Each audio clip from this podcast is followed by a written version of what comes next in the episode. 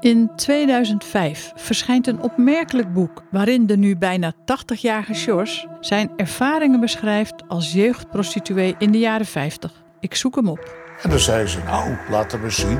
Daar had je je gulden verdiend. Er is een geheimzinnige fotograaf die pornofoto's maakt van de 14-jarige knul. Ja, ik heb foto's die eigenlijk niet mogen. En een zwembadclub waar kinderen naakt zwemmen met volwassen toeschouwers. Bij de zwembadclub, dat was natuurlijk echt prostitutie. Maar klopt alles wel wat ik hoor? Zijn er andere getuigen te vinden dan alleen Jos?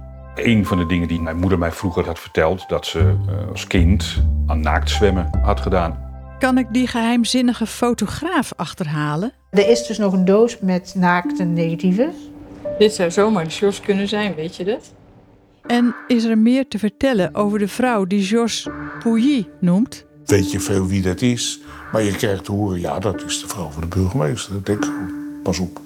Ik stuit op zaken die het daglicht niet kunnen verdragen. Je denkt, ze misbruiken kinderen. Zo was dat niet. Die mensen dachten, die kinderen vinden dat leuk. En de trucs van het geheugen. Dus jij zegt, niets is verzonnen, alles Nooit. klopt. Dat lijkt me stug. Dat lijkt me echt stug. De Zwembadclub. Een nieuwe podcast van mij, Annegriet Wietsma. Een zoektocht naar de waarheid van een verborgen verleden.